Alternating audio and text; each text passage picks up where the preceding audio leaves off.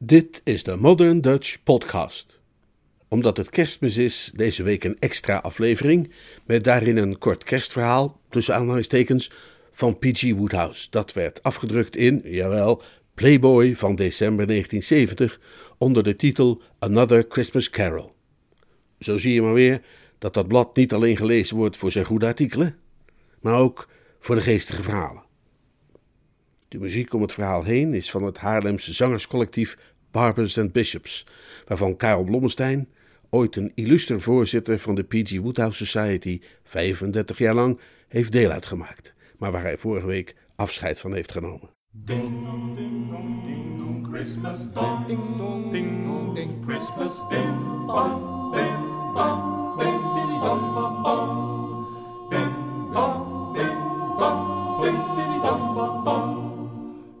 Een nieuwe kerstvertelling door P.G. Woodhouse. Vertaald en voorgelezen door Leonard Beuger. Het was vanzelf weer de dag voor kerstmis geworden, zoals zo vaak.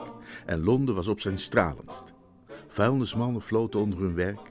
Politieagenten zongen Noël, Noël terwijl ze het verkeer regelden. En men zat er niet ver naast wanneer men zou zeggen dat het geluk alom heerste in de stad. Behalve dan dat Egbert Mulliner een naar gevoel kreeg links in zijn borst wanneer hij ademhaalde. Het was waarschijnlijk niets ernstigs, maar toch vervelend genoeg om even langs te gaan bij Dr. Wilbraham Potter, die een oude schoolvriend van hem was. En, wat kan ik voor je doen, Pudding? vroeg Dr. Potter. De bijnaam waarmee hij Egbert had aangesproken stamde uit hun schooltijd, want ook toen al had diens zware gestalte het nodige commentaar uitgelokt. Egbert was het leven begonnen als een lekker mollige baby, was uitgegroeid tot een gezette knaap en was nu op zijn 42ste een man onder wiens gewicht weegschalen trilden als even zoveel espenbladeren. Evenals zijn hele voorgeslacht bezat hij een hartstochtelijke liefde voor voedsel, maar terwijl zijn voorouders hun overvloedige vetweefsel hadden weggewerkt door middel van toernooien en speergevechten, kruistochten, het uitvoeren van oud-Engelse dansen en wat dan niet, had het zich bij hem alleen maar opgehoopt. Orson Welles zou naast hem slank hebben geleken. Het, zal wel niks eh, bijzonders zijn, hè, Bill, antwoordde hij. Maar, maar, maar, het leek me verstandig toch even de mening van een, van een, van een medicus te vragen. Het is een soort eh, pijn. Nou, nou ja, geen, geen, echte pijn eigenlijk. Uh, meer een, soort akelig gevoel links in mijn borst. Ik uh, heb er vooral last van als ik uh, ademhaal. Wat kun jij mij adviseren? Geen adem meer halen, zei dokter Potter, want in de kersttijd zijn zelfs de artsen van Harley Street in voor een grapje. Maar goed, ik zal je even nakijken. Hm, zei hij na zijn onderzoek te hebben voltooid. Tja, voegde hij eraan toe en nog een tweede hm, voor de zekerheid. Het is zoals ik al had gedacht. Je bent te dik. Dit verbaasde Egbert. Hij had wel eens gedacht dat hij misschien een paar onsjes te veel woog, maar dik zou hij zichzelf toch nooit hebben genoemd. Dat zou, zo, zo zou jij mij nou werkelijk uh, te dik willen noemen? Nou, ik zou zelfs nog wat verder willen gaan. Ik zou jou walgelijk vet willen noemen. En al dat vet verzamelt zich rond jouw hart. Wij moeten er minstens 20 pond bij jou afzien te krijgen. Als we dat niet doen, wat, wat, wat, wat, wat gebeurt er dan? Dan zitten we met alle kosten en gedoe voor een mooie krans en een complete uitvaart. Zeg dan li, lieve hemel, Bill. Ja, met lieve hemel te roepen komen we er helaas niet. Je zult een jaar lang absoluut moeten afzien van vet en zetmeelhoudend voedsel. Het zou eigenlijk geen gek idee zijn om sowieso van alle voedsel af te zien. Dat was een zware slag. Maar Egbert was een kerel van stavast en zeker bereid het advies van zijn dokter op te volgen. Hoewel een dergelijk dieet onmogelijk plezierig kon zijn, was hij ervan overtuigd het wel vol te kunnen houden. Hij was ook eigenlijk wel wat gewend. Vaak genoeg was hij op cocktailparties geweest waar de voorraad kleine worstjes aan houten stokjes was uitgeput voordat zijn honger was gestild, en dan had hij het altijd gered op zijn wilskracht en zijn reserves. Hij verliet de spreekkamer dan ook met een onbewogen bovenlip. Ook op straat bleef de bovenlip nog enige tijd behoorlijk rigide, totdat er plotseling een einde aan kwam. Hij had zich zijn tante Serena herinnerd, bij wie hij zoals gewoonlijk de volgende dag het kerstdiner zou gaan nuttigen. Egbert had een wonderlijke verhouding met zijn tante Serena. Daar het hem van jongs af aan zichtbaar ontbroken had aan enige vorm van intelligentie, was hij op volkomen natuurlijke wijze terechtgekomen in het Britse ambtenarenapparaat, waar niet meer van hem werd verlangd dan om vier uur thee te drinken en tussen lunch en theetijd de kruiswoordpuzzel van de Times op te lossen. Maar hoewel hij thee kon drinken als de beste en een begenadigd kruiswoordpuzzelaar was, beviel het hem toch niet echt in de ambtenarij. Wat hij graag wilde was mede-eigenaar worden in de interieurontwerpfirma van een vriend. Dat zou hem echter alleen kunnen lukken als tante Serena, die buitengewoon rijk was, hem het geld daartoe verschafte. Hij had haar vaak daarom gevraagd, maar zij had altijd geweigerd omdat ze meende dat het kissenbissen met klanten over prijzen en voorwaarden zijn tere ziel zou beschadigen. Hij was van plan om nog eenmaal op welbespraakte wijze een beroep op haar te doen en wel na het kerstdiner, wanneer ze in een milde stemming zou zijn gebracht door voedsel en drank. Maar hoe kon hij dat nu nog doen? Zou een lichtgeraakte gastvrouw, die trots was op haar gulle en onbekrompen gastvrijheid, wel in de juiste stemming zijn om de plannen te financieren van een neef die iedere gang geweigerd had van het feestmaal dat zij met zoveel moeite voor hem had samengesteld? Hij zou haar ongetwijfeld al onherstelbaar van zich hebben vervreemd na de soep. Twee minuten later was hij terug in dokter Potters spreekkamer met een uitdrukking van de grootste opwinding op zijn praktisch cirkelronde gezicht. Zeg, zeg, zeg, luister nou eens, Bill, zei hij. Dat, dat was toch zeker alleen maar een grapje hè, daarnet over dat uh, dieet? Volstrekt niet. Maar, maar, maar je, je overdreef wel heel erg, hè, toch? Geen spat. Wat, wat, wat, wat, wat, zou er gebeuren als ik wat caviar at en, en, en schildpadsoep kalkoen, uh, uh, plumpudding, uh, vruchtentaart, roomijs met amandelen, warme broodjes met boter en geconfijt fruit. En, en, daarbij flink wat champagne, port en liqueur dronk. zou ik dan doodgaan? Ja, natuurlijk. Maar wat een aangename dood. Hm? Was je van plan om dat allemaal te gaan eten? Ja, ik, ik, ik, zal wel moeten als ik naar het kerstdiner ga bij mijn tante. Als ik ook maar een enkele gang oversla, zal ze me nooit meer willen spreken. En, en, en dan kan ik een toekomst als interieurontwerper wel vergeten, zei Egbert. En op de heldere, beknopte manier die ambtenaren eigen is, lichtte hij de delicate positie toe waarin hij zichzelf bevond. Dr. Potter luisterde aandachtig en aan het eind van Egberts verhaal zei hij: Hm, voegde er een tja aan toe en nog een tweede Hm, uh, voor de zekerheid. Dus je weet zeker dat die tante waar je het over hebt beledigd zou zijn als je niet zou eten? Ze, nou, ze zou het me nooit vergeven. Ja, dan moet je niet naar dat diner gaan. Ja, daar, daar, kan ik, kan ik echt niet onderuit. Wel als je een goed excuus had. Zo, zoals? Nou, ze zou het je moeilijk kwalijk kunnen nemen dat je niet kwam als je bijvoorbeeld de builenpest had opgelopen. Ja, maar, maar, maar dat, dat, dat heb ik niet. Nou, daar kan voor gezorgd worden. Hè? Kan je zo een injectie geven waardoor je zoveel builenpest krijgt als je maar wilt. Egbert overwoog het voorstel. Hij kon de vindingrijkheid ervan waarderen, maar aarzelde desondanks. Er was iets in dat plan, hij kon niet precies zeggen wat, dat hem niet echt aansprak. Hij wilde eerst nog wat nadere informatie. Ja, ja, hoe, hoe, hoe, hoe, hoe erg is dat, die, die builenpest? Ja, dat ligt eraan wat je erg noemt. Het is een doodgewoon soort pest.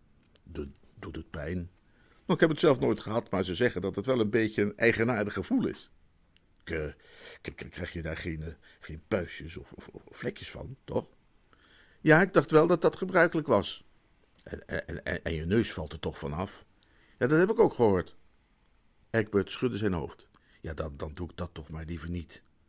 Nou, bij laatstheid is dan misschien een idee als je dat leuker vindt? Nee, nee, nee, nee, nee, zeg, dank, dank, dank je wel. Dr. Potter klikte enigszins geërgerd met zijn tong. Nou, het is moeilijk om jou een plezier te doen, zei hij.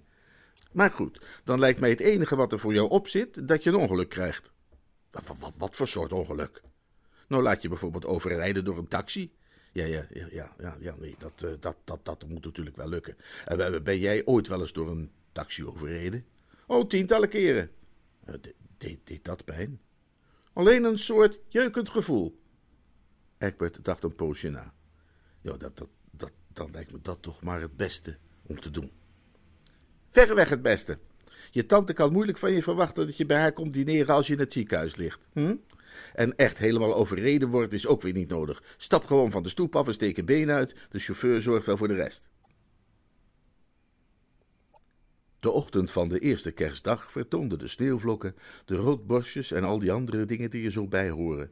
En terwijl de dag voortschreed, werd Egberts besluit om het advies van zijn dokter te volgen steeds wel omlijnder. Hij was er weliswaar niet volkomen van overtuigd dat de bewering van zijn arts dat een stevige confrontatie met een taxi niet meer dan een soort jeukend gevoel zou opleveren werkelijk correct was, maar zelfs wanneer het resultaat een stuk ernstiger zou zijn, was er in feite geen andere mogelijkheid. Het deed hem goed, terwijl hij naar het huis van zijn tante wandelde, te zien dat er geen gebrek was aan beschikbare voertuigen. Ze zoefden met tientallen tegelijk af en aan en het moest ook voor de minst getalenteerde mogelijk zijn om het voorgestelde plan uit te voeren. De eerste taxi die voorbij kwam wees hij van de hand omdat de snor van de chauffeur hem niet aanstond. De tweede omdat hij de verkeerde kleur had. En hij stond juist op het punt om voor de derde wagen te springen, die aan al zijn eisen voldeed, toen hij met het been al in de lucht toch even zijn actie onderbrak. Hij had zich plotseling herinnerd dat zijn tante jarig was op 11 februari, tegen welke tijd hij ongetwijfeld al uit het ziekenhuis zou zijn ontslagen. Er zou van hem verwacht worden aan te zitten aan haar verjaardagsdiner, dat minstens zo copieus zou zijn als dat met kerstmis, want zij was gewend haar geboortedag uitgebreid te vieren. Het was natuurlijk altijd mogelijk om zich op 10 februari opnieuw te laten overrijden door een taxi, maar als hij voor die verleiding bezweek, hoe zouden zijn superieuren op kantoor daar dan op reageren? Zouden die niet hoofdschuddend elkaar aankijken en zeggen: Ja, dat moet geen gewoonte worden hè, bij die? En zouden ze dus niet vinden dat, uh, dat een werknemer die dermate gevoelig was voor ongelukken, maar beter aan de kant gezet kon worden? Niemand heeft graag een werknemer op de loonlijst die voortdurend door taxis wordt overreden. Dat was een mogelijkheid die hem kippenvel bezorgde en zijn beide onderkinnen deed schudden. Als hij zijn baan verloor, zou hij geen inkomsten meer hebben.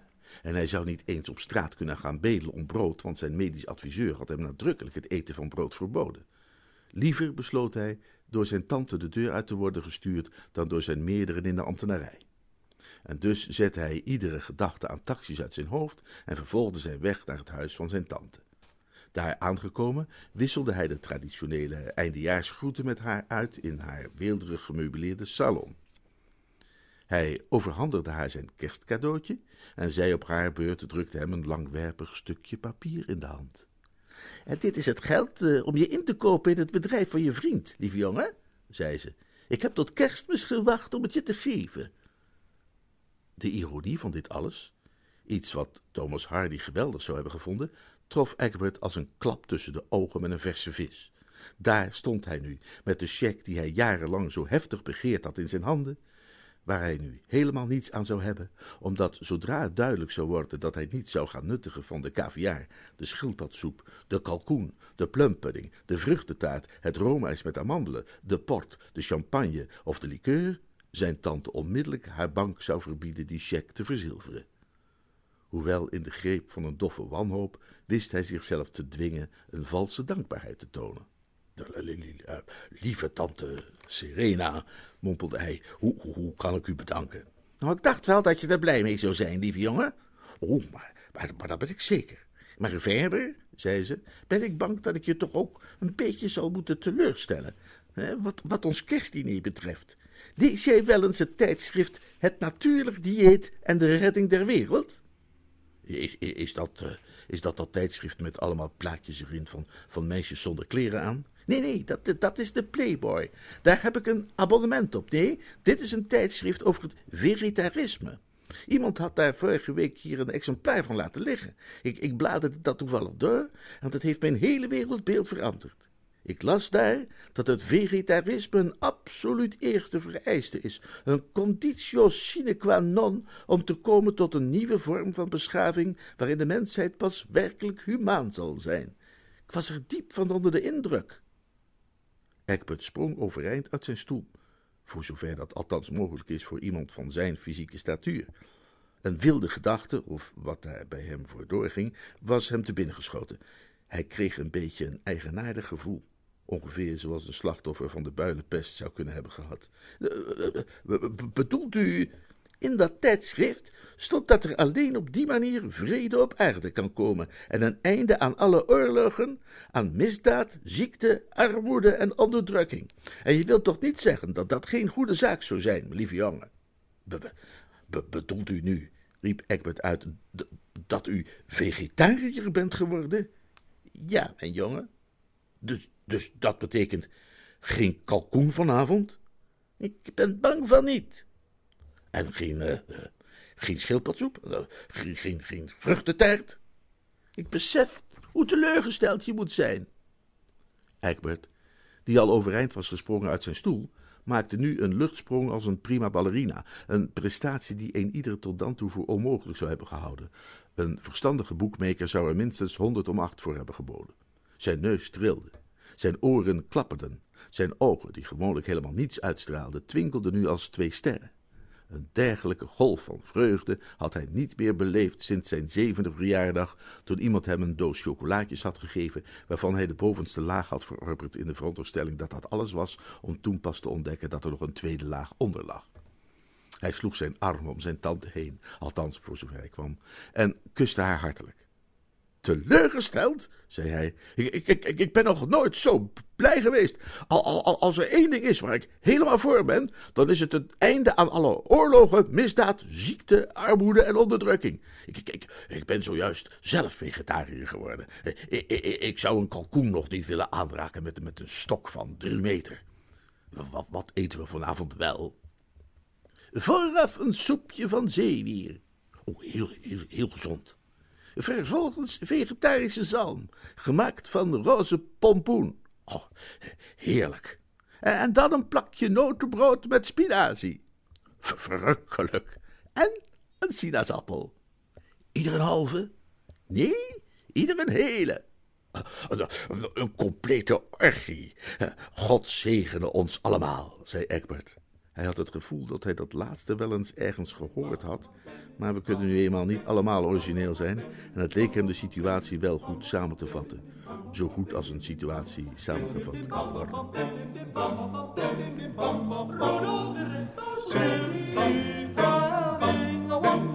Last